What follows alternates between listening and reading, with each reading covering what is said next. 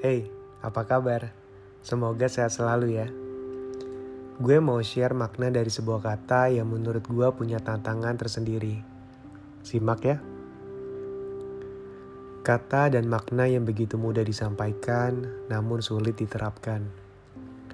Bukan tidak mau mencoba atau keras kepala, namun butuh waktu untuk memupuknya sampai benar-benar tahu arti terdalamnya tanpa hanya diucap saja. Ikhlas bukan hal baru untuk sekedar tahu yang sering kita dengar saat diri sedang ragu. Kata orang, sudah ikhlasin aja. Hmm, ingin rasanya punya persepsi dan perasaan yang sama saat ikhlas terucap kata. Tapi apa daya manusia hanya bisa berencana, namun ada hal lain yang di luar kendali kita.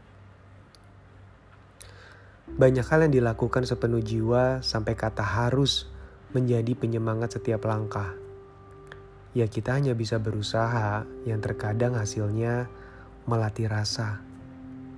Tarik nafas begitu dalam karena tidak semua hal ternyata sesuai rencananya. Manusia tercipta tahu rasa kecewa dan bahagia. Rasanya itu sudah melekat saat terlahir di dunia. Melatih rasa untuk bisa menerima bukanlah hal yang mudah tapi bisa dilakukan sepanjang masa sampai kita menemukan kedamaian jiwa. Tidak perlu dipaksa, cukup jalani aja, ntar juga terlahir dengan sendirinya kok. Iya, butuh waktu.